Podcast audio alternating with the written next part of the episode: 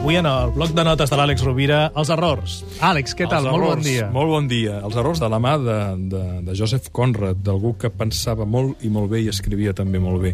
I l'aforisme d'avui és molt breu, no té més de 10 paraules. Diu, només qui no fa res no comet errors. Qui no s'arrisca no pisca, podríem dir, en la nostra dita popular. Um, la no acció és una forma d'acció, eloqüent i contundent.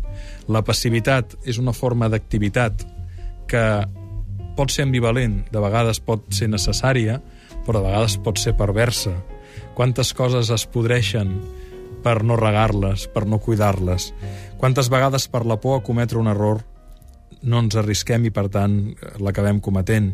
Quantes vegades hem sentit aquella frase, jugant amb l'etimologia, que el risc és no arriscar-se. Conrad tenia molta raó, només qui no fa res no comet errors.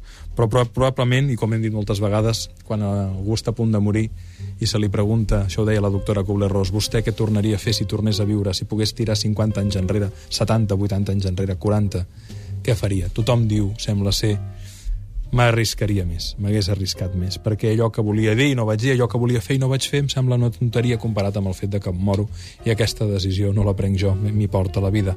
Per tant, fem, equivoquem-nos, però fem amb la voluntat de no equivocar-nos, és a dir, eh, l'inconscient està allà perquè és inconscient i ens fa cometre errors a vegades carregats de bones intencions, però realment val la pena equivocar-se si entreguem un aprenentatge, perquè lo important no és allò que ens passa a la vida, sinó allò que en fem. Lo important, o la vida es construeix, no amb les accions que fem, sinó amb la lectura que els hi donem, amb la reflexió que hi aportem i amb la reconstrucció de la nostra manera d'entendre'ns a nosaltres mateixos, els demés i a la vida, a mesura que anem avançant en aquest camí. A mi em ve sempre al cap la frase de Borges, els errors són alegres i la perfecció és grisa. I Borges deia, he cometido el peor de los pecados, Ah, sí. no he sido Ah, feliz. sí, efectivament. Per tant, um, i per què deia que no he sido feliz? Si seguim amb la poesia, que això serà objecte d'un altre bloc de notes, um, ell deia um, no m'he arriscat, en definitiva. Per tant, Borges estava molt amb la línia de Joseph Conrad. Cal fer. Gràcies, Àlex. Que Molt acabi bon d'anar bé el cap de setmana.